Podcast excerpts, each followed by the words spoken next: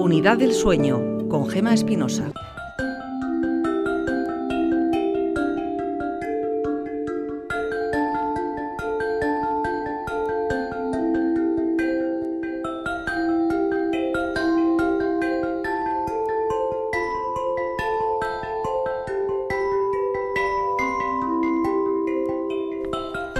Bueno, hemos hablado del insomnio, hemos hablado del trabajo a turnos o del trabajo nocturno, hemos hablado de los problemas del sueño en niños y en las diferentes etapas eh, de la mujer, pero cada uno somos un mundo y cada uno tiene sus propios problemas para dormir. Por ejemplo, hay personas a las que les quita no el sueño, les quita calidad de vida, por ejemplo, quedarse dormido en cualquier lado, lo que llamamos la narcolepsia. Después están los que no pueden parar de mover las piernas por la noche, ese síndrome de piernas inquietas y luego están los que sufren parasomnias, es decir, es que esos son sonámbulos, por ejemplo, o tienen terrores nocturnos, pesadillas, o cuando se levantan pues no son capaces de saber dónde están ni qué hacen en esa cama. ¿Solucionamos algunos de esos problemas? Al menos intentamos dar algunas pistas de cómo llevar una calidad de vida aceptable durmiendo bien, una de las mayores necesidades, comer, beber y dormir.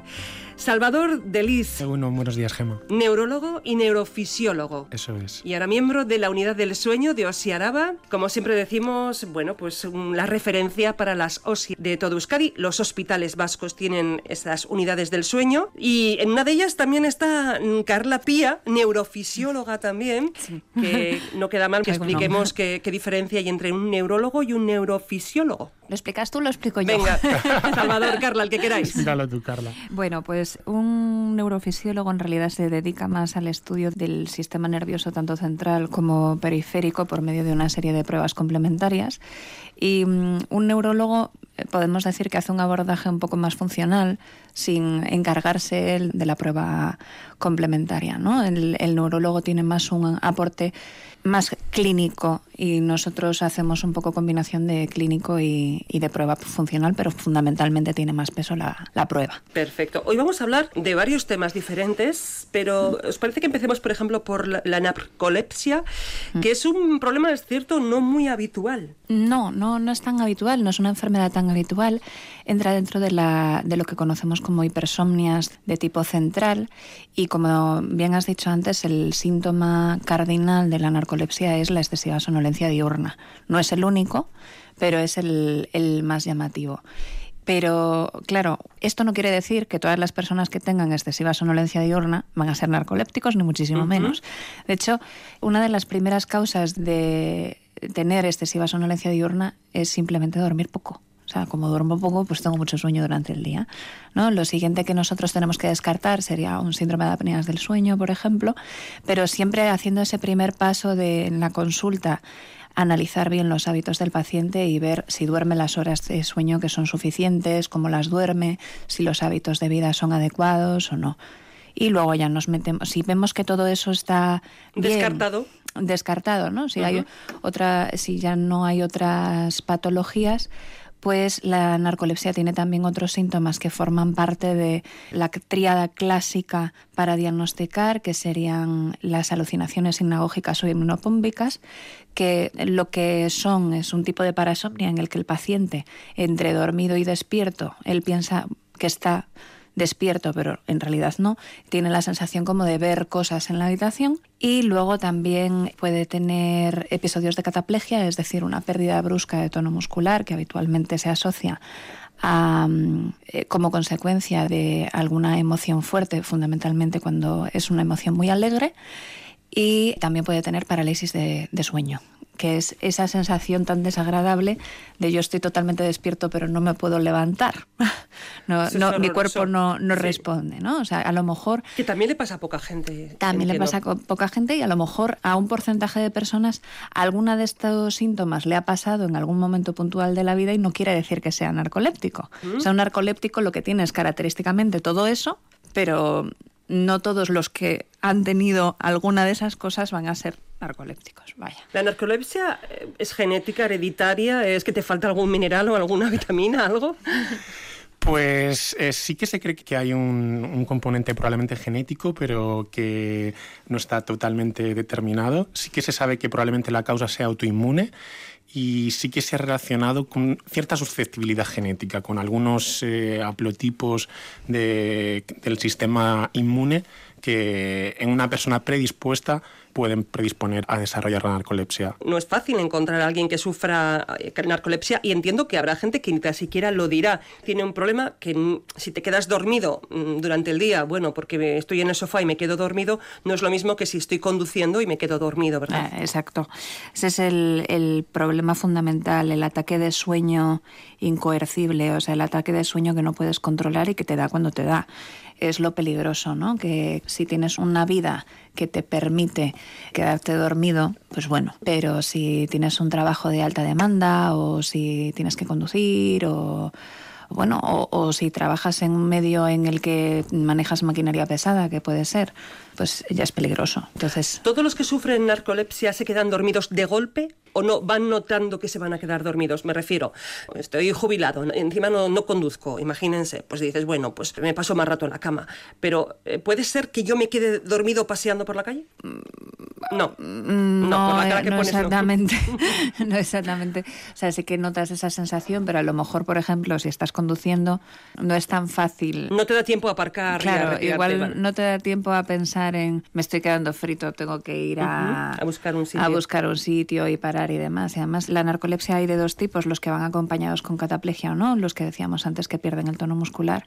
Y la cataplegia no avisa tanto a lo mejor como, como el ataque de sueño, ¿no? O sea, no, o sea, tú si pierdes el tono muscular de, de la mandíbula al reírte, por ejemplo, pues no tiene por qué ser peligroso, pero si pierdes el tono muscular de las piernas, igual sí, porque te caes. Sí, eh, es un grave problema. Es uno de los temas que proponemos hoy a todos ustedes. Otro de los problemas son todas las parasomnias en general. Vamos a explicar qué son parasomnias. ¿Te parece, Salvador? Pues eh, una parasomnia eh, podríamos catalogarlo como un comportamiento anormal durante el sueño Vamos a explicar eso porque... El, espectro es, amplísimo. El espectro va desde simplemente vocalizaciones, hablar durante el sueño, va desde realizar conductas complejas, de incorporarse de la cama, sentarse, deambular por la habitación. E incluso irte a la eh, calle. Incluso eso mismo. Y el rango de, de conductas es súper amplio. La gran clasificación que nosotros hacemos con las parasomnias es diferenciarlas entre si suceden durante el sueño no REM o el sueño REM. El sueño no REM es el que es más abundante durante la primera mitad de la noche y el sueño REM, que es clásicamente el que asociamos a los sueños vívidos, es el que sucede en la segunda mitad de la noche.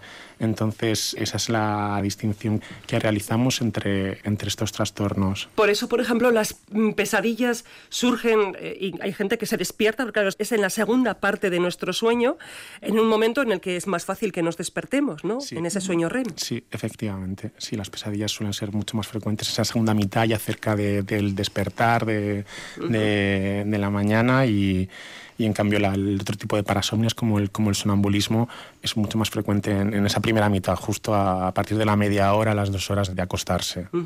Sobre las pesadillas hemos preguntado, pero es curioso, nadie se acuerda de la pesadilla y recuerdan todos pesadillas cuando eran niños, pero no de mayor. Yo creo que de pequeña sí que tenía, pero nunca me he llegado a acordar, porque yo de los sueños no me suelo acordar mucho, la verdad. O sea, nunca sé exactamente lo que he soñado.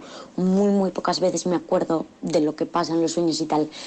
Pero pesadillas, cuando era pequeña, sí, de despertarme en plan gritando y, y, mal y tener que ir corriendo a, a, meterme en la cama de mis aitas. Yo tengo muchas veces la típica pesadilla que tiene mucha gente, que es la de que te estás cayendo Parece que de repente te caes en un pozo y te despiertas sobresaltado. Esa es la pesadilla más habitual. Últimamente, desde el confinamiento, a veces también tengo pesadillas con enfermedades, con muertos vivientes, se me mezcla las películas con la realidad y sí que últimamente no sé si llegan a ser pesadillas de despertarme, pero sí de dormir un poco mal. Las pesadillas cuando eres pequeño, ¿por qué? Pues porque hacemos más cantidad de sueño REM cuando somos pequeños. O sea, el sueño no es, lo hemos dicho siempre, ¿no? No es una cosa estática, además va evolucionando conforme vamos madurando cerebralmente y los niños pequeños sí que tienen más cantidad de sueño REM y luego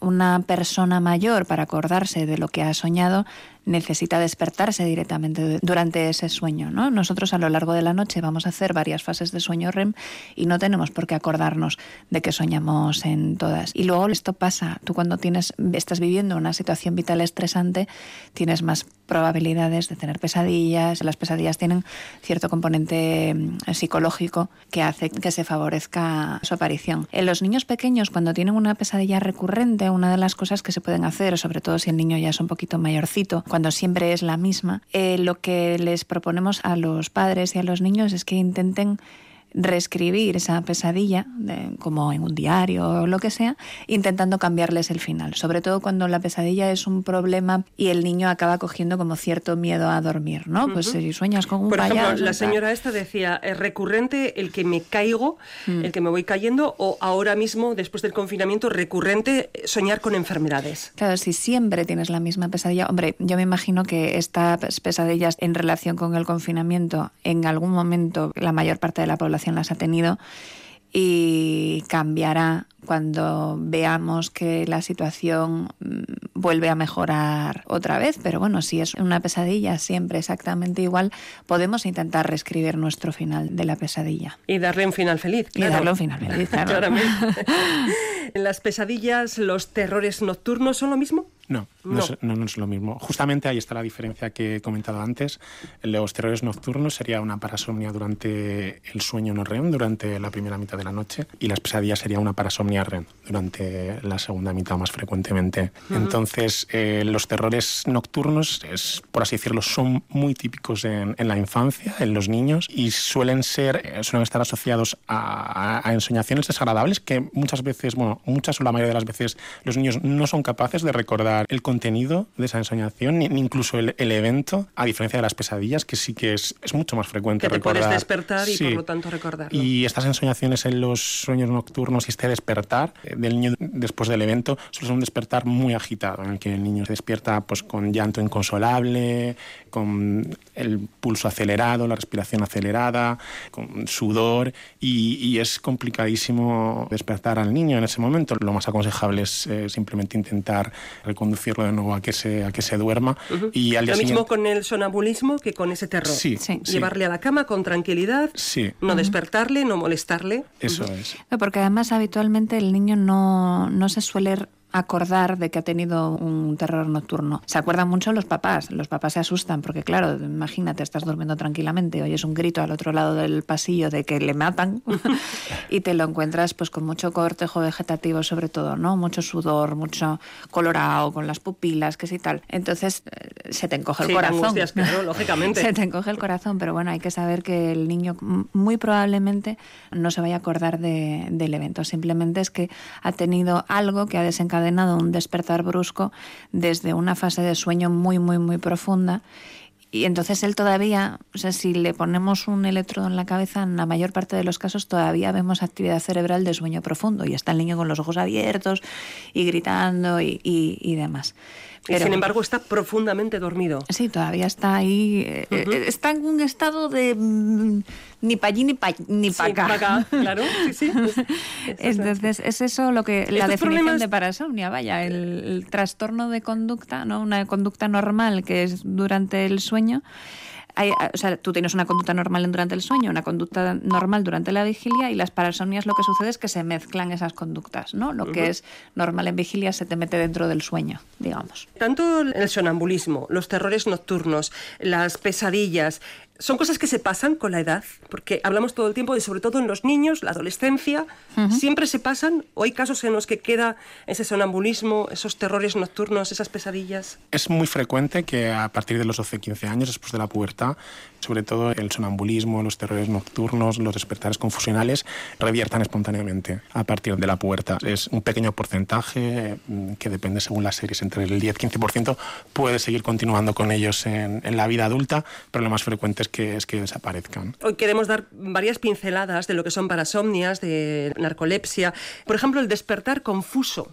No solamente que cuando cambias a un hotel no sepas dónde te has despertado, ¿no? sino mm. es algo que puede ocurrir en tu casa, Sí, eh, va dentro de las parasomnias también no REM. Lo que vemos, otra vez más, mucho más frecuente en niños, es que el niño de repente se, se queda sentado en la cama, o sea, se incorpora digamos que mira a su alrededor con cara de confusión durante X tiempo y luego con la misma se da la vuelta y se pone a dormir.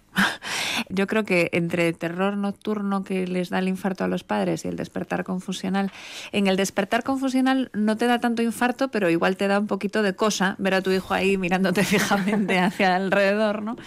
Pero bueno, el tratamiento en ambos casos, igual que con el sonambulismo, es el mismo. O sea, son cosas que son benignas, que son propias de la infancia, que con el tiempo se suelen pasar. Puede ser que, el cerebro tiene tanta actividad en esa edad que, que no para ni de noche. Puede ser que durante la adolescencia, cuando se te pase y luego de repente llegas a la universidad y vuelvas a tener alguno de estos episodios que ya tenías cuando eras niño. Y es que está muy relacionado con tener unos hábitos de sueño un poco irregulares. O sea, más en la edad adulta, ¿no? O sea, los niños al final tienen más probabilidades de desarrollar parasomnias no REM porque hacen más cantidad de sueño profundo, que es desde donde parten estas parasomnias, pero luego en los adultos hay una serie de, de, circunstancias que favorecen la aparición de estas parasomnias otra vez. Precisamente todas aquellas que van a hacer que incremente tu porcentaje de sueño profundo. Es decir, cuando estamos privados de sueño, cuando llevamos mucho tiempo durmiendo poco, el día que duermes más, tu cerebro para compensar hace más cantidad de sueño profundo y entonces ese día puede ser que se te dispare una parasomnia. Cuando tenemos fiebre, con el uso de algunos fármacos o tóxicos. Entonces, en la universidad te puede pasar otra vez, ¿por qué? Porque llega la época de exámenes, duermes poco, sales más de noche y bueno, si ya tienes una cierta predisposición a tener este tipo de eventos, pues es como echarle gasolina al fuego, ¿no? Pues va a hacer que te pueda volver a pasar. Un poquito te va pasando cada vez más. No hemos hablado nunca de ello, pero buscando información sobre estas parasomnias, porque es que realmente hay un mundo, es mm. imposible tratarlas todas en profundidad. La sexomnia existe, aparece, yo lo he encontrado dentro del despertar confuso. he dicho despertar confuso, eh, vamos a explicarlo, ¿qué es? Me ha sorprendido. Pues es tener una conducta sexual anormal durante el sueño digamos. O sea, estás dormido y no es que tengas un sueño erótico, no es eso. No. No. No. Es, tú te mueves, digamos. Sí. Eh. Vale. ¿Y eso es habitual también? ¿Es un despertar confuso? ¿Está dentro del sonambulismo? ¿Dentro de qué está eso? Está dentro del grupo de las parasomnias, no es tan habitual como los demás y sí que hay diferencias clínicas entre el que padezca la sexomnia, sea una mujer o sea un, hombre. Hay diferencias. Clínica. Clínica. Clínica. O sea, digamos que se comportan de manera un poquito diferente de, de forma habitual, pero es algo bastante poco frecuente. ¿Tiene tratamiento? Lo digo porque ya estamos hablando de adultos, entiendo, no de niños. Sí, o sea que el resto de las parasomnias hablamos de niños, ¿no? Es que el tratamiento de todas las parasomnias es intentar hacer eso, una buena higiene de sueño, intentar limitar las conductas que puedan favorecer a desencadenar despertares bruscos desde sueño profundo. O sea, son, son trastornos de, del sueño benignos en la mayor parte de los casos. ¿no? otra cosa son otros trastornos que están ligados a otro tipo de enfermedades, pues como puede ser el Parkinson o, o, algún, o una demencia por cuerpos de Levy o otra enfermedad neurológica. Pero por norma general, la inmensa mayoría de las parasomnias mm, no tienen ese componente de base cerebral patológica. Patológica, vale. Último tema que podemos eh, plantear es el tema de las piernas inquietas. Mm. Parece que es más habitual. Cuéntanos, Salvador, ¿por qué movemos las piernas? Algunas pues personas tanto. Pues sí, es uno de los trastornos de, sueño que más encontramos en la consulta, el síndrome de piernas inquietas. Es un trastorno que se fundamenta en cuatro síntomas, cuatro puntos cardinales, que es este disconfort, esta sensación desagradable, que generalmente suele ser las piernas, pero a veces puede subir, puede ascender y lo podemos notar también en el tronco, en las extremidades superiores, en los brazos. Pero que principalmente... que hay gente que se levanta totalmente agotada, porque si estás toda la noche moviéndote... Sí, lo más clásico, como digo, es en las piernas referir estos síntomas. El, otro punto principal es que suele ser, suele aparecer eh, por la tarde, vespertino, y por la noche.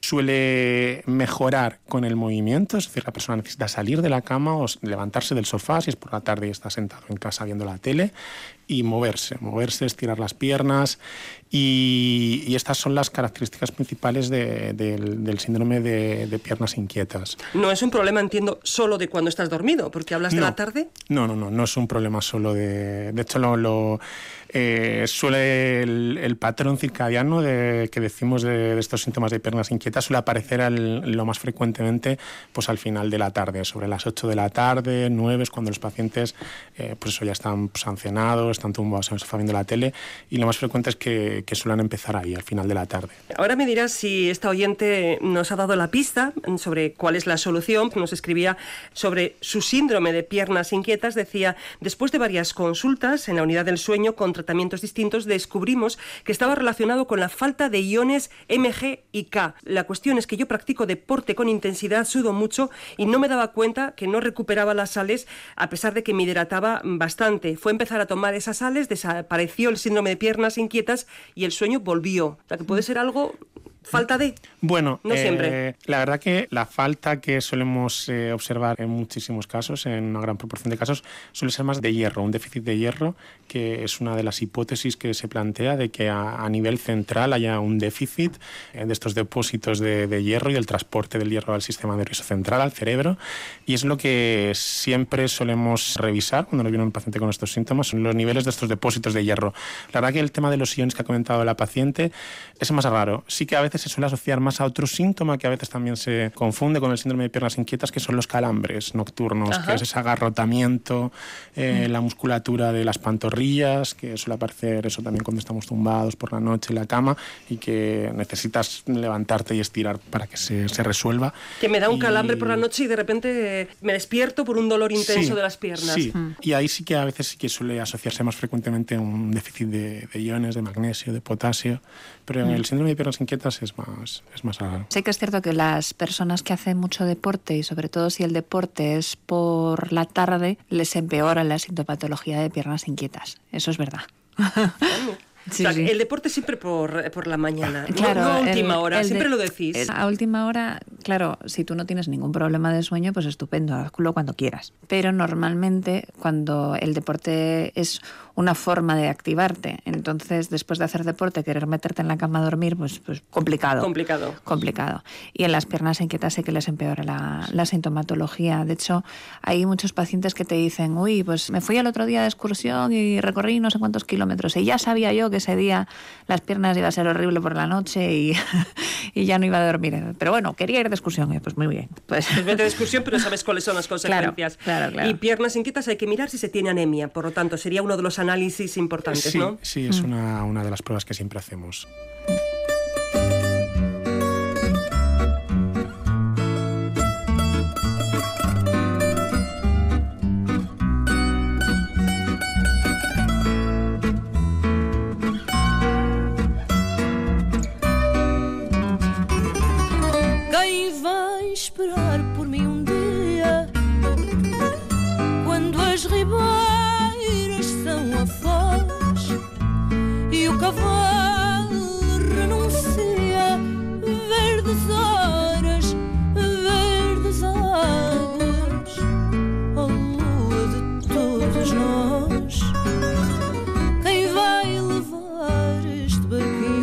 Amigo el pajarito, y por eso le llamábamos el pajarito, porque era narcoléptico, se quedaba dormido en las discotecas. Qué shallow era el pajarito. Se quedaba dormido en las discotecas. Claro, el narcoléptico no puede controlar dónde se queda dormido. Al pobre le da el ataque de sueño y allá donde esté, pues, pues ya está. Aunque sea en la discoteca. Claro, esto no tiene solución, ¿no? Hombre, hay tratamientos para... Nosotros tratamos a los narcolépticos para que puedan vivir con su enfermedad. Es una enfermedad que en realidad a día de hoy no tiene una cura porque lo que sucede es que tienen déficit de hipocretinas, que es un poco el disparador que marca la diferencia entre la vigilia y, el sueño y no, no existe existe a día de hoy una forma en la que yo te la puedo dar para contrarrestar ese déficit, pero sí que ponemos un tratamiento para controlar la sintomatología. Podemos dar un tratamiento que te ayude a estar despierto y combinarlo con medidas de higiene de sueño, programar siestas para intentar aumentar un poquito tus horas de sueño y cuando eso no funciona incluso se puede dar otro tipo de tratamientos un poquito más agresivos pues para controlar todos los síntomas que están relacionados con la narcolepsia, no solamente la excesiva sonolencia diurna, sino también la cataplegia, las parálisis de sueño y demás. Para la cataplegia también podemos dar algún tipo de antidepresivo, o sea, hay, hay medicación. Hay medicación, hay medicación. En este caso la narcolepsia siempre con medicación. Entiendo. Siempre y cuando tú estés hablando con el paciente y, él quiera, ¿no? O sea, si es necesario. O sea, nosotros tratamos el trastorno cuando supone un trastorno para la vida del paciente. Claro. Sí, sí, si no, uno no busca vuestra ayuda, lógicamente. Claro, claro. Entonces, eh, o sea, siempre se pacta un poco con, con la persona que tienes delante de, bueno, venga, ¿qué vamos a hacer? Pues vamos a intentar con esto. A ver si con esto solo es suficiente. Luego vamos añadiendo. Incrementando, vale.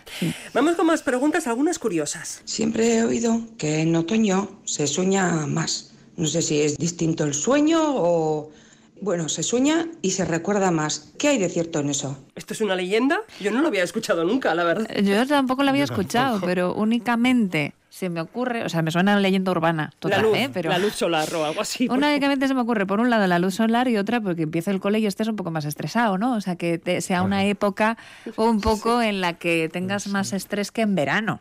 Vamos, señora, que no, con todo cariño del mundo, que no. Pero que, vamos, científicamente probado, no.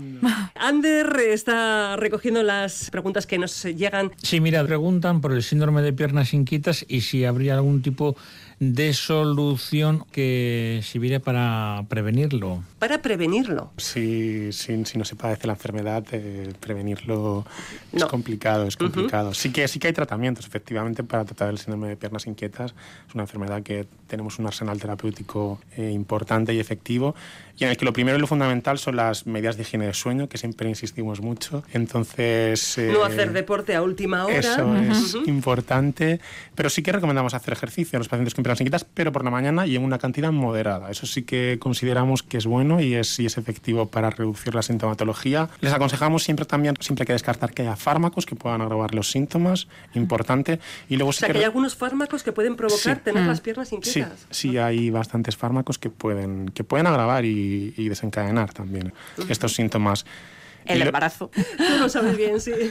Y sí que el, alcohol, por ejemplo, la nicotina, los estimulantes, sobre todo a partir de la segunda mitad del día, se ha demostrado que pueden empeorar los síntomas. Entonces siempre aconsejamos a los pacientes como regla de oro que eviten estos precipitantes. Y luego, aparte de estas recomendaciones, pues tenemos un arsenal terapéutico importante. Como he dicho antes, siempre descartar que haya un déficit de hierro y luego pues hay un grupo de fármacos eh, moduladores del dolor, antiepilépticos y dopaminérgicos que usamos en este trastorno pues cuando los síntomas son muy severos y cuando ya es necesario iniciar medicación que pueden ayudar. Entiendo que el síndrome de piernas inquietas es debido a un nerviosismo. Estás hablando de alcohol, de tabaco, de excitantes al fin y al cabo.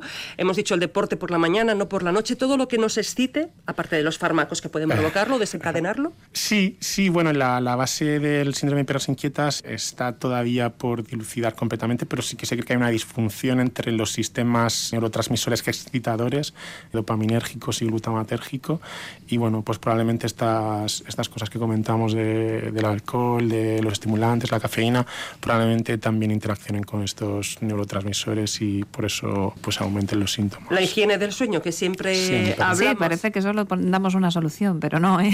No, no. Lo que pasa es que es la base para, para la mayor parte de los trastornos. Hay que eliminar que se tenga una anemia, hemos dicho que es importante, el deporte, quitar eh, tabaco, alcohol. También otra pregunta sobre los terrores nocturnos de los niños. En los terrores nocturnos de los niños, si son muy largos, dura mucho tiempo y durante días, días, meses y cada, repite cada cierto tiempo, puede tener relación con algún tipo de trauma. En un principio no tiene por qué, porque son no es la pesadilla recurrente que a lo mejor sí que está más mm, ligado a la situación vital estresante, pero sí que es cierto que cualquier situación vital estresante puede favorecer la aparición de, de parasomnias. Y un terror nocturno imaginemos que en este caso ha sido provocado por un trauma, ¿se eliminará también con los años o es, un problema ya más a tratar? Eh, claro, un terror nocturno que se desencadena por culpa de un trauma, igual que una pesadilla que se desencadena por culpa de un trauma, lo que hay que hacer es tratar el trauma, ¿no? O sea, lo, tú lo que tienes que intentar siempre es tratar el origen del trastorno, no el trastorno en sí mismo. Nos pasa mucho con el, con el insomnio, por ejemplo, ¿no? Que el insomnio a veces es una enfermedad única y exclusiva y otras veces es un síntoma de otra cosa. Bueno, pues nosotros eh, con toda la entrevista que hacemos, en, primero por parte del servicio de enfermería y luego ya en la consulta del facultativo, preguntamos tantas cosas y somos tan pesados porque queremos distinguir si realmente hay algo que ha desencadenado eso a lo que poder agarrarnos y tratar, ¿no? Y de ahí la enfermera dice, bueno, pues esto es más para la consulta de psiquiatría o es más para la consulta del neurofisiólogo o es para la consulta del neumólogo, ¿no? O sea, ella va, hace como un primer triaje. Pero claro, lo suyo es tratar siempre el origen y no el desencadenante. Leo textualmente, preguntarle a Salvador si es cierta la figura del sonámbulo que nos han transmitido siempre que anda con los brazos rectos hacia adelante, casi casi como en el vídeo de thriller de Michael Jackson. ¿Es real esa imagen? Eh, no, no, realmente esa, esa, figura es un estereotipo que viene del, del cine, de, de, los medios audiovisuales, pero las conductas durante el sonambulismo son el, el, el gran eh, diferenciador es que precisamente no son estereotipadas, son totalmente diferentes de un paciente a otro, incluso en un mismo paciente cambian de un episodio a otro, de una noche a otra.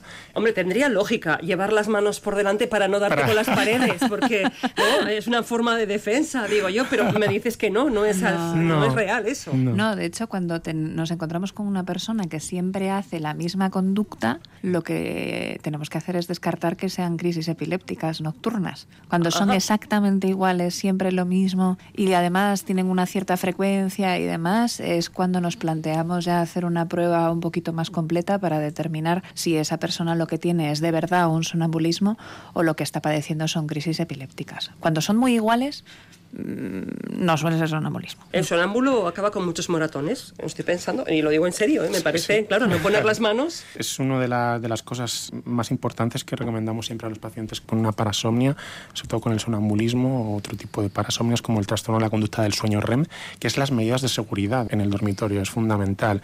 Eh, no es frecuente, pero hay casos de, de accidentes severos, desde sí. simples eh, caídas de, de, la cama, pues un moratón, pero hay gente que incluso ha llegado a precipitarse por la ventana. Una y... ventana abierta. Sí, entonces... Claro, porque tu cerebro sigue identificando tu casa y sabe perfectamente, aunque estés dormido, por dónde vas. Sí, hay una disociación. Al final hay una parte del cerebro que está dormido, otra que está despierto y podemos realizar actividades complejas y entonces eh, lo fundamental siempre es medidas de seguridad. En plan, pues, de hecho, eh... hay una parte del cerebro que está dormido y otra despierta. ¿Somos capaces? Bueno, al final la, la base de las parasomnias es una disociación, como hemos comentado antes, como ha dicho Carla, entre la vigilia, entre el despertar y, y el sueño. Y se ha visto en, en, en pacientes eh, sonámbulos con, con, estudios invasivos que hay fenómenos pues, de, de, de, sueño local, que es algo frecuente en algunos animales, como los delfines, que duermen en mitad de, de un hemisferio despierto y la otra mitad dormido del cerebro durante el sueño. Y se ha visto que probablemente en muchas de estas parasomnias haya fenómenos pues, de, de esto que llamamos sueño local, en el que una parte del cerebro está dormido y la otra está despierta. Fíjate, eso sería ideal. Podríamos estar, podríamos estar haciendo cosas al 24 horas del día. Bueno, bueno ideal, ideal. Pero, pero de placer, o sea, no digo trabajar, ¿eh? hablo de 24 claro. horas al día. A ver si, cómo evoluciona nuestro cerebro dentro de, de, de cientos de años. Ander, más preguntas. Hablar mientras duermes es un trastorno del sueño. ¿A qué se debe? Ajá. Es, es lo que decíamos antes, ¿no? Forma parte dentro del espectro de las parasomnias y, claro, no es nada patológico, pero es eso, es una, una conducta que en realidad es propia de, del estar despierto que se te mete dentro del estar dormido y no tiene mayor... O sea, bueno, puedes darle un poco la murga a la pareja contándole tu vida, ¿no? Pero eh, otra leyenda urbana de esto es que te pregunten cosas y tú digas cosas con sentido y vayas a revelar si has sido infiel o no. No, suele no, ocurrir, no, no. no. Suele de hecho, no se le suele entender a la gente que, que habla de noche, ¿no? A lo mejor más a los niños cuando son pequeños que digan alguna cosa un poco más... no con sentido de, de, de, verbo predicado y tal, pero sí que igual ellos se les entiende un poquito mejor lo que dicen, porque como la ensoñación, pues tal pero uh, generalmente mm, no va más allá. No va más allá. El no. problema en todo caso es que el que está al lado se sí. le pueda despertar porque él está hablando, no sé, pero, sí. pero nada más, no pasa de ahí.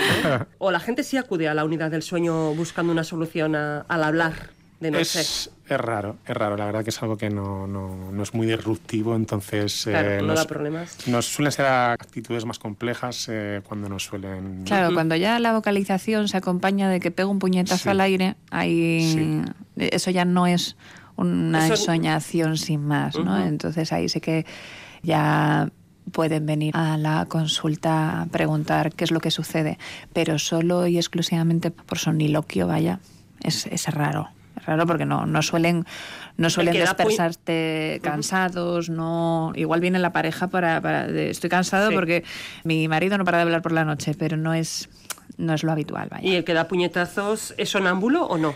Ahí sí que es importante hablar de otro tipo de trastorno del sueño, que es una parasomnia durante el sueño REM, que es cuando tenemos los sueños vívidos, que se llama el trastorno de la conducta del sueño REM. Y ahí sí que en este trastorno perdemos un mecanismo fundamental que es evolutivamente necesario, que es que durante el sueño REM es un estadio del sueño en el que el cuerpo está completamente paralizado y es un mecanismo de defensa para que no actuemos nuestros sueños. Tiene toda la lógica, es un mm. mecanismo de defensa y de seguridad para que durante nuestros sueños pues no, no, los actuemos y no podamos lesionarnos o lesionar a, la gente que está a nuestro alrededor, al compañero de cama.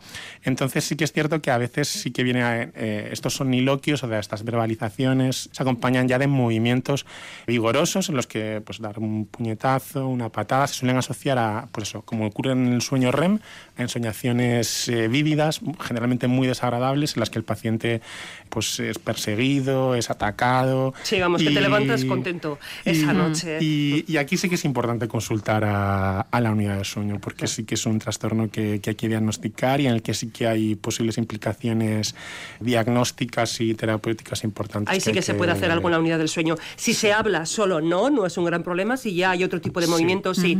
Ander, una pregunta más. Nos dicen que no puede dormir en la cama y que es eh, matemático. En cuanto pone la tele, se queda seco. ¿Por qué? Porque el programa no le ha gustado, le es aburrido, porque se bueno, mucho el sonido. Nosotros no, no recomendamos el uso de la televisión ni que esté en el dormitorio, así es lo que decimos siempre, ¿no? Porque la televisión ya no es el contenido que pueda ser excitante, sino es el tipo de luz que genera, que va a hacer que produzcamos menor cantidad de melatonina y demás. Pero claro, si tú ya tienes una costumbre y el poner la tele es, forma parte de tu sota caballo rey de antes de dormir, de tu ritual, pues... Eres como el bebé que necesita los brazos de la madre antes de dormirse. Si te acostumbras a eso... Si te acostumbras a una cosa y a ti te funciona y no te genera un problema de sueño, pues adelante pero no es lo más recomendable. No es lo, ni la luz de la televisión, ni las pantallas. no, nada de eso. Eso yo creo que lo hemos aprendido muy bien. Es, eh, claro, pero nosotros hablamos aquí de términos generales y de medidas de higiene de sueño generales, pero en realidad luego cuando nos enfrentamos en la consulta al paciente que tenemos delante, dirigimos las medidas de higiene de sueño a ese paciente, ¿no? O sea, no es lo mismo una chica de 30 años que tiene una vida activa que una persona de 80 años que no le puedes decir que se levanta a las 9 de la mañana y se ponga a correr. Claro, no. Entonces nos tenemos que adaptar siempre a la edad, de vida, al ritmo de vida y yo me repiten mucho unos sueños que es que siempre si tengo que ir al aeropuerto y son las 12 estoy en casa todavía y estoy sin coger la maleta, sin prepararme, sin nada.